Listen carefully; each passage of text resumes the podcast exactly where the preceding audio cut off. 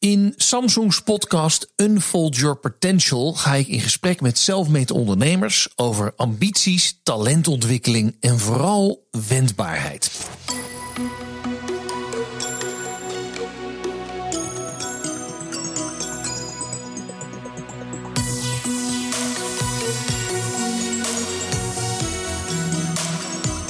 Vandaag bezoeken we de ondernemer Nina Pierson, de vrouw achter onder andere de saladebars Sla.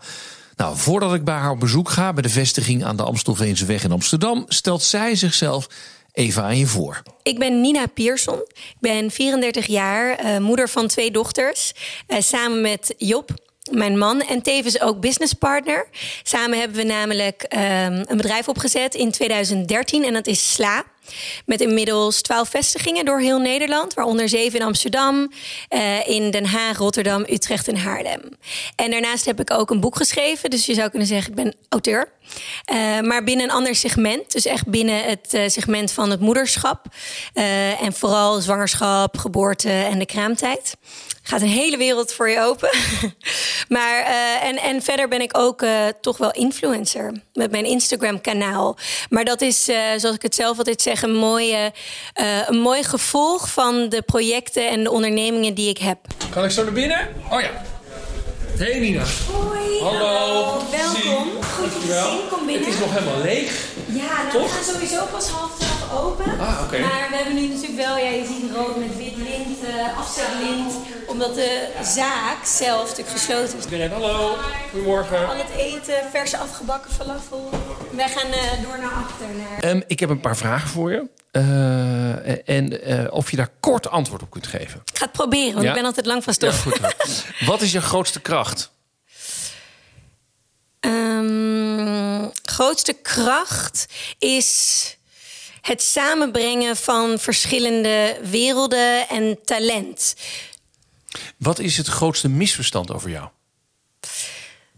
Oeh, jeetje, goede vragen zeg. Um, grootste misverstand is dat ik nog steeds alles tegelijk aan het doen ben. Wat is de belangrijkste beslissing die je zakelijk ooit genomen hebt? Um, ik denk nu weer terugkomen bij Sla. Wat heb je meegenomen uit je opvoeding dat je nog dagelijks gebruikt? Je bent meer dan je gedachten. Dus uh, hoeveel stress ik ook heb, ik kan heel erg goed uh, die knop uitzetten. Uh, en het een beetje vanuit een helikopterperspectief bekijken. En dat helpt me enorm dagelijks. Mijn vader was boeddhist. Dus ja, van je daaruit. bent meer dan je gedachten, wauw. Ja, je, bent, maar je kan ook bijvoorbeeld, stel dat jij iets denkt... dan kan je ook beseffen dat je iets denkt, toch? Mm -hmm, ja. Dus dat betekent dat jij iemand bent... die dus niet alleen gedachten heeft, maar ook je gedachten kan observeren. Ja, ja, observeren. En dus sturen, dat heet metacognitie in de zeg maar, neurowetenschap. Dus vanuit een afstand bekijken. En dat helpt soms heel erg om niet helemaal verzonken te raken in je gedachten. En daarin uh, meegenomen te worden. Maar een beetje de baas te worden over je eigen gedachten. Nou, ik, ik, zal, het, uh, ik zal het zelf proberen nee, nee, Je moet je wel vaak mediteren. Ja, ja oké, okay, goed. dat zo, helpt. Ja, goed. Nou, waardevolle tip dus van Nina Pierson, die net als onze andere gasten in deze serie, je zal het niet geloven, gebruik maakt van de Samsung Galaxy Z Fold 2. Maar even, hè, helpt die telefoon Nina eigenlijk in dat drukke bestaan en het de baas blijven over je eigen gedachten? Absoluut. Ik bedoel, het is sowieso een uh, onmisbaar ding in mijn leven als ondernemer geworden. Uh, niet in de eerste plaats omdat ik uh, ook natuurlijk moeder ben. Dus ik wil heel graag wel verbonden blijven met die wereld ook als ik uh, op kantoor zit. Maar tegelijk uh, gebruik ik mijn telefoon ook echt om, om zakelijke dingen te doen. Van WhatsApp tot mails beantwoorden. En in, met deze telefoon specifiek heeft een, natuurlijk een enorm groot scherm. En ik, ben, ik doe veel met visueel. Dus als mm-hmm. voor Sla ben ik brand director. En vanuit mijn Instagram doe ik ook veel met beeld. Dus dan is het super fijn om, om daarin een groot scherm te hebben. En, en ben, ben, jij nou iemand, want bij jou loopt privé en werk echt helemaal door elkaar heen. Ja. Hè? Met je man Job run je dit imperium. Uh, ben jij dan ook altijd bereikbaar of niet? Absoluut niet. Ehm, ik ben eigenlijk telefonisch altijd best wel slecht bereikbaar. Ik ben niet zo'n beller. Nee. Dus uh, doe mij maar liever uh, WhatsApp. Dan moet ik, soms word ik wel teruggefloten. Onder andere door mijn schoonmoeder bijvoorbeeld. Die vindt het heel vervelend dat ik altijd op de WhatsApp zit.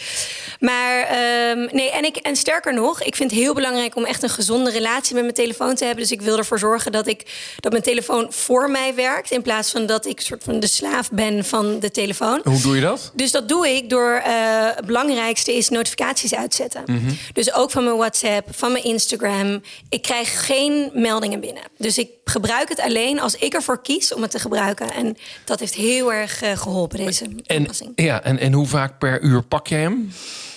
Ja, dat is een goede vraag. Ik ben bang dat ik hem wel nog echt vaak pak hoor. Dus je bent eigenlijk toch nog wel een Ik denk op een ervan. dag kan ik wel 60 keer. ja, ja Toch? absoluut. Je, ik dat- ben er dat- nog dat- niet. Ik ben er nog Nee. niet.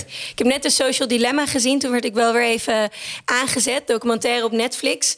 Eh, dus nu heb ik ook limieten ingesteld voor mezelf. Dus naast de notificaties heb ik ook limieten. Dat valt onder het kopje welzijn bij instellingen. En dan kan je dus zeggen, nou, ik wil eh, een uur of ik, ik had een uur per dag op Instagram, dat zit nu op een half uur. Kijk Toen het 20 minuten. Toen dacht ik, nee, dit is te kort. Dus het wordt een half uur. Dus ik ben er wel heel erg actief mee bezig. Ja, Zijn er nog andere functionaliteiten die je graag gebruikt? Ehm, ja, dubbel scherm heb ik hier eh, op deze Samsung. Dus je kan bijvoorbeeld eh, een scherm openen als ik mijn financiën doe of eh, twee mailboxen heb, want ik doe natuurlijk meerdere dingen. Ehm, dat je twee schermen naast elkaar open hebt staan. En je kan ook zeg maar de selfie is handig, omdat je dan je eigen met een goede camera wel een selfie kan maken. En voorheen met een andere telefoon was die functie er niet. Ja. Dus die, eh, ik maak wel natuurlijk voor Instagram af en toe eh, selfies. Laten we het hebben over jouw ondernemerschap. Ja. Ehm, in deze tijden moeten we allemaal leren zeer wendbaar te zijn. Lukt jou dat? Ik ben van nature een wendbaar persoon. Ik denk dat dat ook te maken heeft met mijn creativiteit. Dan moet je ook een beetje de vrijheid eh, sowieso hebben om te fladderen. Ik denk dat dat mij ook wel kenmerkt als ondernemer, is dat ik.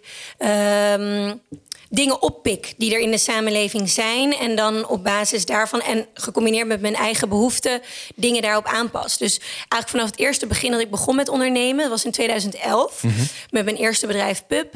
eh, dat begon met een idee: we willen de culturele instellingen koppelen aan de jongere generatie. Daaruit bleek dat er eigenlijk heel erg behoefte was van kunstenaars om vertegenwoordigd te worden en om weer gekoppeld te worden aan commerciële merken. Toen gingen we dat doen. En zo heeft dat bedrijf zich uiteindelijk enorm ontwikkeld. Zijn we ook weer voor merken gaan werken. Dus het zit wel sowieso in mijn DNA om wendbaar te zijn. Maar ik merk nu door de crisis en Sla is natuurlijk niet meer een start-up. We zijn al zeven jaar bezig.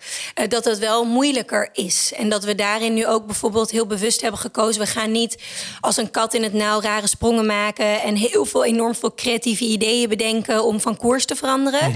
Liever een stapje terug. Een aantal vestigingen sluiten. eh, wat minder op het menu aanbieden. Zo op die manier wendbaar zijn dan heel erg Alles, alles eh, omgooien. Ja. Want even voor mij, hè. Ehm, eh, je hebt meer dan tien vestigingen, zei je net al. Ja, 12. Twaalf vestigingen in heel Nederland.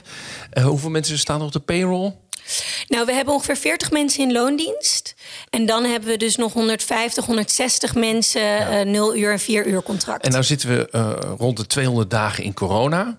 Ja. Dus, dus de eerste golf hebben we gehad. De tweede staan we nu eh, gezellig voor. Ja. Eh, Restaurants zijn dicht. Jullie mogen alleen nog maar afhalen. Wat heb jij gedacht in het begin?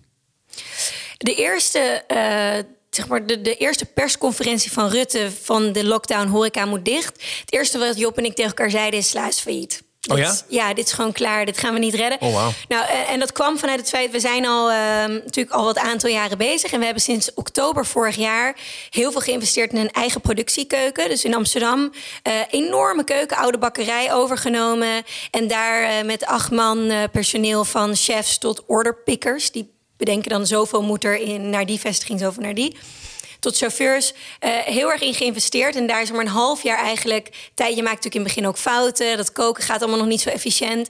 En op de dag dat het mooi weer werd, sowieso is sla in de zomer loopt beter dan in de winter, eh, was, kwam die persconferentie. Dus we hadden gewoon zo de hoop gezet op... oké, nu wordt het lekker Nu- nu weer, wordt- nu wordt het leuk, ja. En toen ineens viel alles dicht en, of viel alles stil. En we hebben nog wel die eerste week open gebleven... want dacht, nou, kijk hoe het gaat, want we zijn inderdaad een afhaal.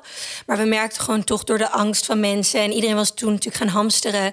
en was thuis aan het koken... Ja. Hoe lang heeft het geduurd dat jullie dachten, we gaan failliet? Ik denk wel, dat was gewoon natuurlijk de eerste shock. eh, het eerste gevoel wat je hebt van hoe gaan we hier in godsnaam uitkomen. We wisten ook nog helemaal niet hoe het met die regelingen zat. Eh, en ik denk gaandeweg, toen we weer rustig aan open gingen. Dus we zijn wel een maand dicht geweest. Maar we hebben de gelegenheid aangegrepen om ook vestigingen weer echt even onder handen te nemen. En op te schonen en te verven en nieuwe vloeren te leggen. En toen ja, dan ben je ook weer met positieve dingen bezig. En dat hoort natuurlijk ook wel, dat kenmerkt denk ik ook uiteindelijk een ondernemer. Je moet gewoon door. Dus eh, het is even zo'n eerste shock. En daarna kan je niet anders dan doorgaan tot het moment dat je eventueel wel failliet gaat. Want dat zien we wel om ons heen je, best wel. je- nou, nou, je- tot, het moment dat je eventueel Ja, dan- wel dan failliet gaat. zeker. Ja.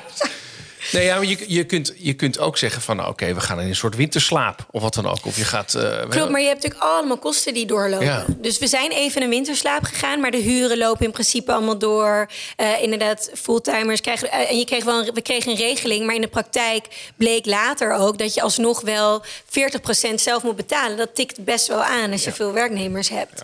Ehm, maar goed, nu hebben we dat helemaal niet hoor. We, we, we zijn er natuurlijk veel meer op ingesteld. Alle winkels zijn in principe, ja, er staan, zoals je, dat zien mensen natuurlijk niet, maar hierachter ook wat stoelen bij ons op Ja, kantoor. we, zi- we zitten, dat hebben we eigenlijk niet gezegd. We zitten op de Amstelveense weg in Amsterdam. Dit is ook het hoofdkantoor van Sla. Het zit Ja. echt achter een grote winkel. Ja. En het is een ruimte van, eh nou, Wat zou het zijn? Zat Klein. eh, eh, acht bij acht, zoiets, hè, denk Ja. ik. Vier, vijf, kantoor, vier, vier, vijf bureautjes. En dat is het ongeveer wel.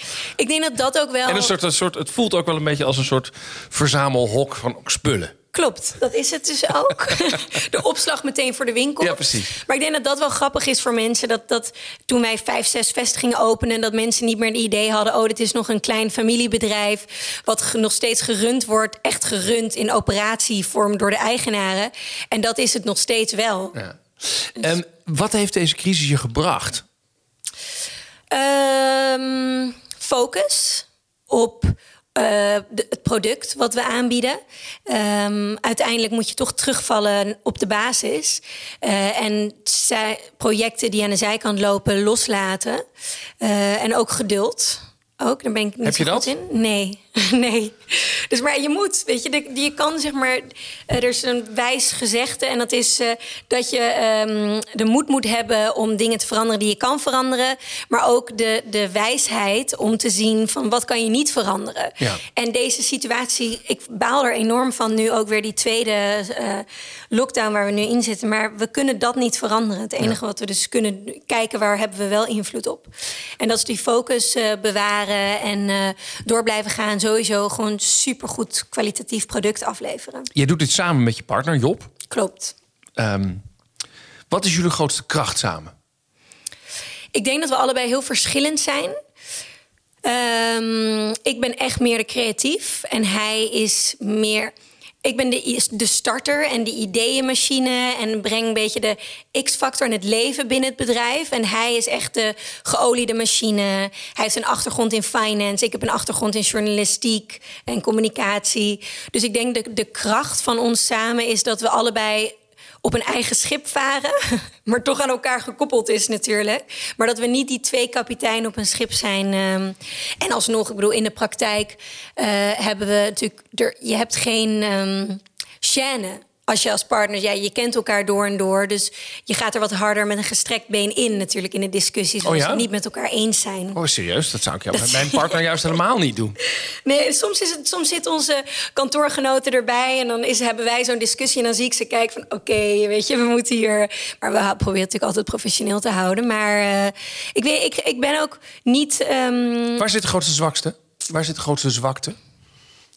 Eh, ik denk dat we te weinig gefocust, gefocust zijn op het resultaat. Samen bedoel ik dan, hè? Ja, eh, van ons samen. Ja, dus de, de- het, het zal krachtig zijn, want anders was je niet zo ver gekomen. Ja. Maar er zit natuurlijk ook een nadeel aan. Dat, en dat moet je op een of andere manier managen. Ja. Eh, ja, ik denk dat je ehm, elkaar bekijkt vanuit de lens vanuit, van je relatie. Dus dat hij, hij kent mij natuurlijk op een bepaalde manier. En als ik dan een idee hier inbreng, dan bekijkt hij dat soms niet objectief genoeg. Uh, en andersom bij hem ook. Wat je misschien met werknemers of collega's wel eerder zou doen. Dus dat je te snel gekleurd een aanname maakt. Te snel een vooroordeel hebt over elkaar. Ja. Omdat je elkaar zo goed kent. En denk ook wel lastig, uh, omdat je een relatie hebt met elkaar. Dat je, um, kijk, tegen een medewerker kun je zeggen: ja, toch, je bent niet zo geschikt voor deze baan. Mm Ja, dat, dat, dat kan. Klopt. Ja, dat kan bij je partner. Ja, dan heb je meteen een huiscrisis, zeg maar. Ja, klopt. En ik moet zeggen dat we dat e- echt wel, we zijn dus niet vies van kritiek en, en ook met elkaar in discussie en gesprek gaan. Dus wat Job en ik met elkaar doen, dat vind ik ook een goed voorbeeld voor wat we met de rest van het personeel eh, doen en moeten, zouden moeten doen. Feedback geven. Maar eh, Job zegt wel eens tegen mij hoor, dat hij wel twijfelt aan dingen die ik doe. En dat vind ik op dat moment wel heel irritant. Maar het brengt me wel verder weer als eh, persoon. in Maar heeft hij mijn- het laatste keer eh, gezegd van... nou, ik weet het niet, eh, Nina? Ja, fotografie. Oh ja? We, ik fotografeer niet zelf, maar ik ben dan de art director van de shoot. En dat vindt hij dan niet commercieel genoeg. En dat vindt hij dan dat ik te veel bezig ben met esthetiek en een modemerk. In plaats van zeg maar met dan de richting. Ja. En daar ben ik het niet mee eens. Ja, ik denk, de- het idee. En dan, hoe gaat dat dan? Dus dan zeg je, ja, Job, donder op. Ik ben hier chef marketing. Klopt, op het moment zelf wel. Ja, Eh, maar tijdens de shoot hou ik er dus toch wel rekening mee. Dat ik denk, oké, niet te veel pastelkleuren.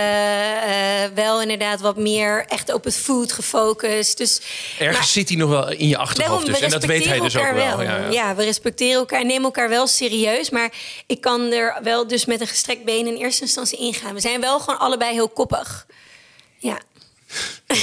En het is wel grappig, want we hebben natuurlijk wat je zegt, werk-privé gaat loopt bij ons totaal door elkaar heen. Maar ik vind dat dus ook een beetje een taboe dat mensen zeggen je moet werk en privé gescheiden houden. Maar in ieder geval als ondernemer zijnde is dat vaak niet het geval. Dus we vinden het ook niet zo erg dat als we een date night hebben, uit eten gaan en we hebben het over sla, is dat oké. Dat hebben we ook met naar elkaar toe uitgesproken. Ik ben wel een keer door hem teruggefloten toen ik om 11 uur s'avonds nog over sla begon. Eh, want ik heb nooit problemen met slapen. Ik kan gewoon dus, wat ik al zei, misschien door dat mediteren, luiken dicht en gaan de nacht in. En hij heeft daar wel meer last van. Dus, eh, Begin jij nog even over omzetcijfers om 11 uur s'avonds? bijvoorbeeld, ja, of iets wat niet goed ging. Dat, dat heb ik ook. Ik kan heel erg. Oh ja? Ik ben een perfectionist. Dus Hoe ik zie, vermoeiend. eh, ja, klopt, is ook. Ja. Toch voor hem ook? Ja, zeker. Ja, het is, ja dat, is, dat is zo. En het heeft voor- en nadelen, weet je. Het brengt wel het bedrijf naar een hoger niveau. Maar, eh, maar ik denk, zolang je met elkaar in gesprek gaat erover... en ik hem dus ook wel dan respecteer als hij zegt... dit wil ik niet in bed bespreken... eh, dat ik dat de volgende keer ook niet meer doe.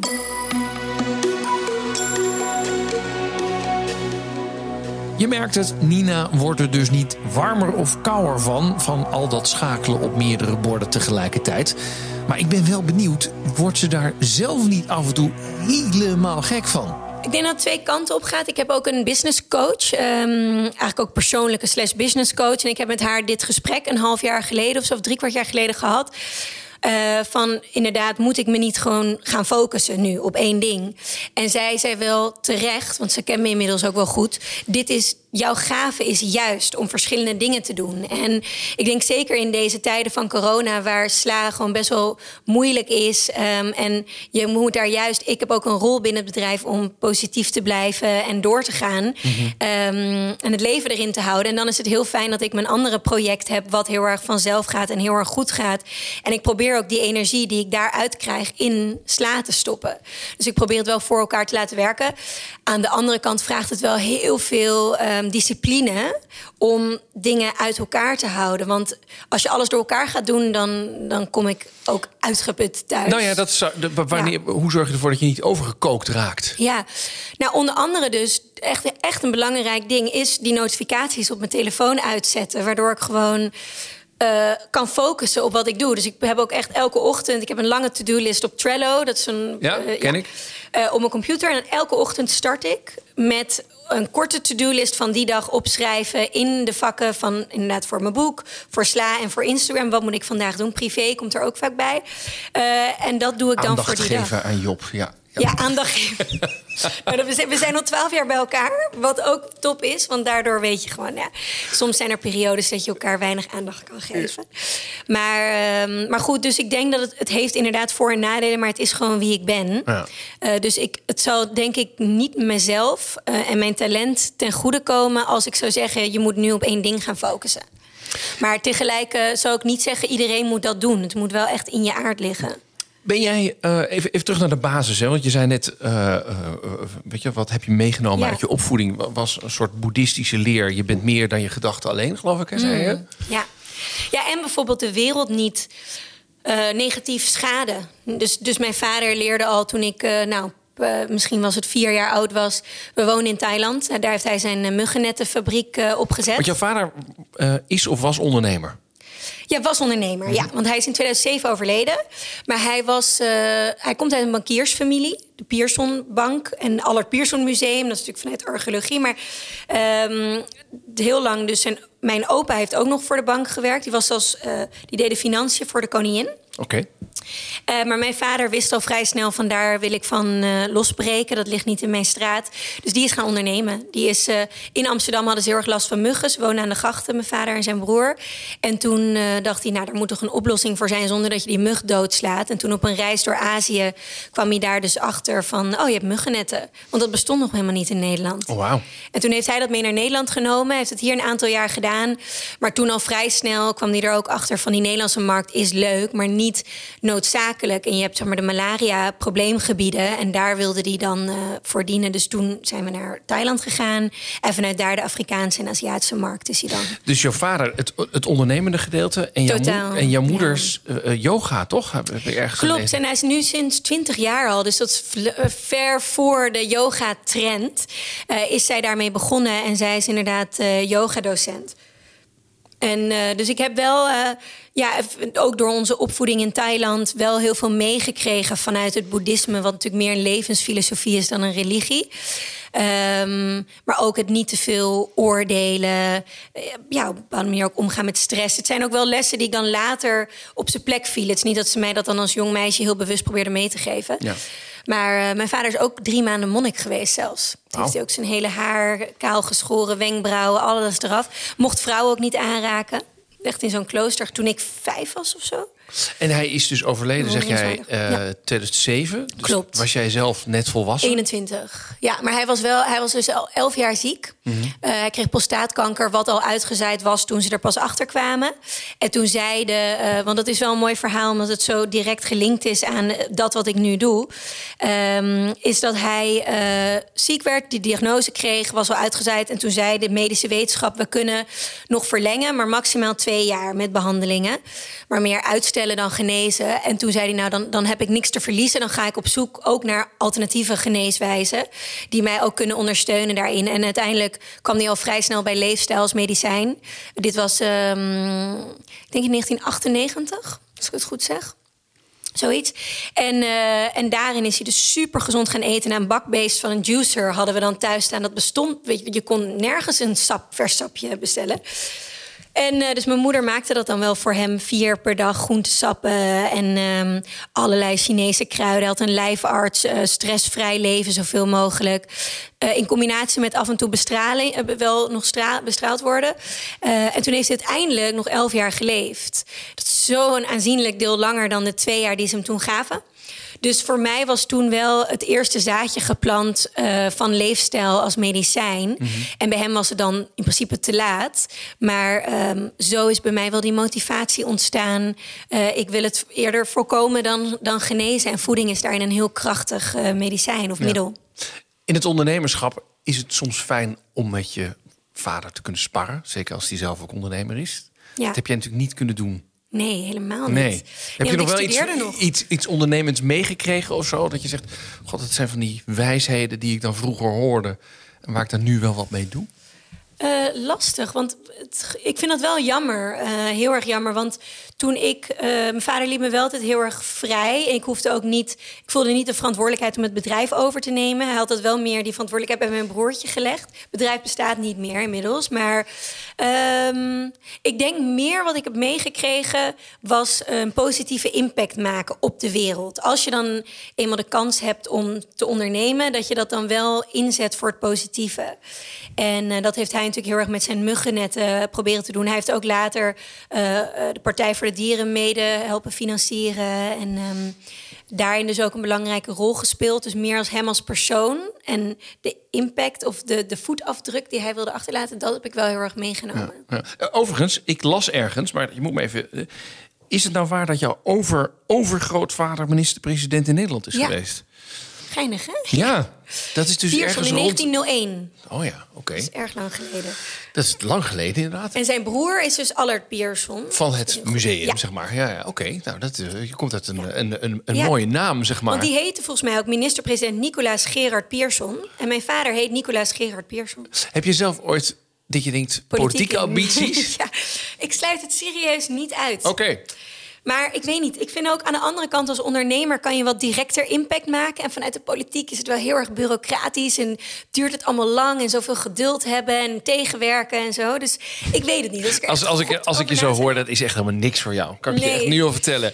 Nee. Eh, eh, Politiek is voor mensen die geduld hebben. Klopt. Dat heb jij niet, toch? Maar ik denk wel, ik zou me wel meer willen verbinden. Ik ben al, zeg maar, ik ben lid van de Partij voor de Dieren, daar stem ik ook op. Ik vind nu met Sigrid Kaag, eh, Mhm. D66, ook heel interessant.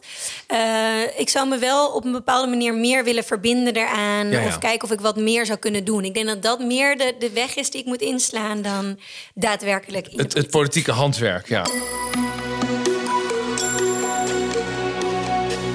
Een politieke toekomst is voor Nina dus niet uitgesloten. Maar welke dromen heeft ze nog meer? Ja.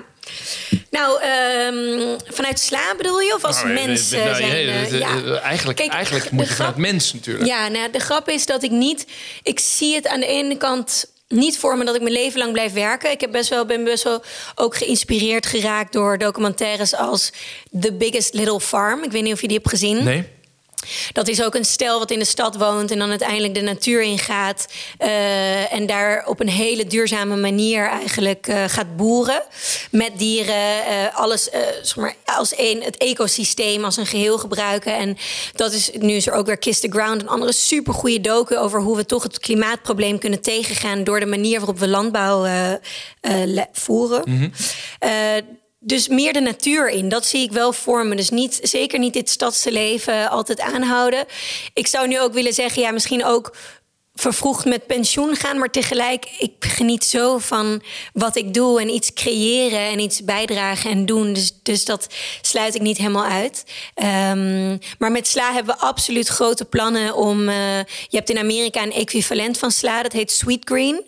En die hebben al een stuk of 150 vestigingen. En ik zou heel graag de Sweet Green van Europa willen worden. Jij bent nu ergens in de 30. Klopt, ik word 35 in november.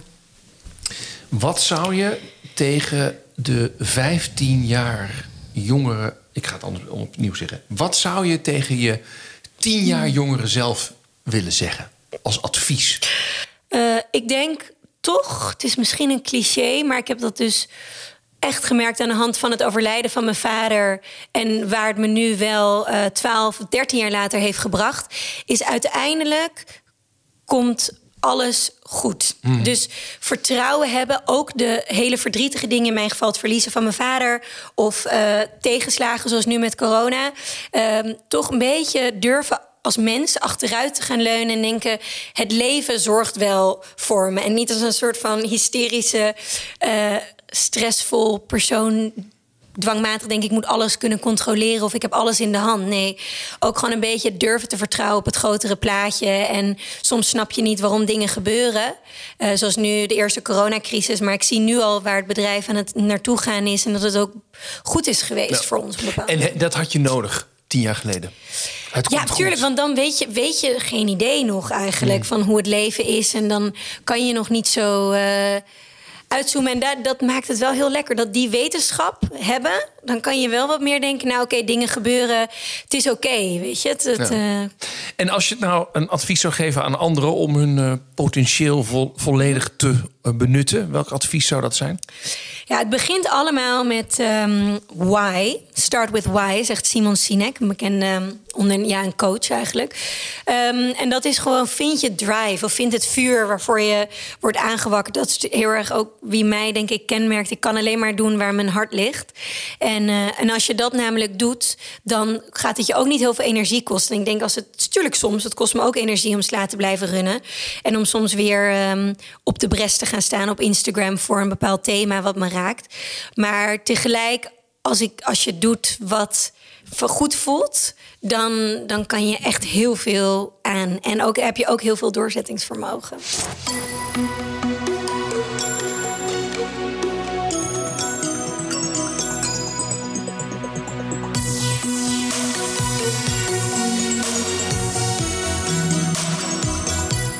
Dit was Unfold Your Potential, een podcast tot stand gekomen dankzij Samsung. Je weet wel van die hippe kekke telefoon, de Galaxy Z Fold 2. Nou, wil je deze podcast nogmaals naluisteren? Ga dan naar de BNR-app, Spotify of Apple Podcasts.